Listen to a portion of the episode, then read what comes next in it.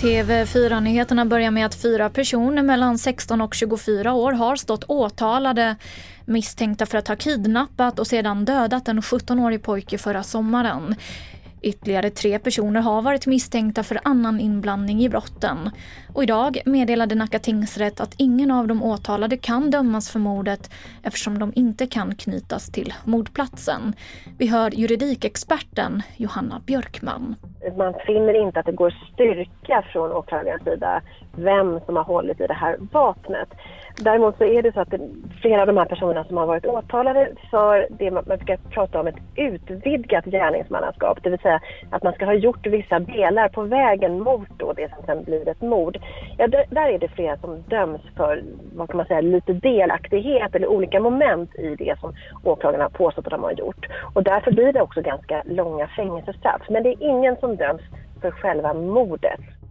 Arbetsmiljöverket är kritiska mot polisens förebyggande arbetsmiljöarbete och krisstöd efter polischefen Mats Lövings död. Polisen anmälde Lövings död till Arbetsmiljöverket då det inte kunde uteslutas att hans död hade haft samband med arbetet. Och utredningen pågår fortfarande och nu får polisen möjlighet att komma med synpunkter om Arbetsmiljöverkets slutsatser innan ett beslut väntas. Det var det senaste från TV4 Nyheterna. Jag heter Emily Olsson.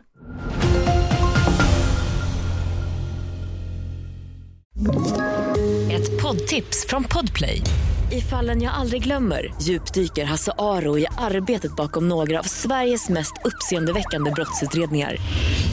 Går vi in med hemlig telefonavlyssning och, och då upplever vi att vi får en total förändring av hans beteende. Vad är det som händer nu? Vem är det som läcker?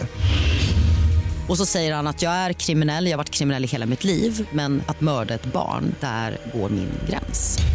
Nya säsongen av Fallen jag aldrig glömmer på Podplay.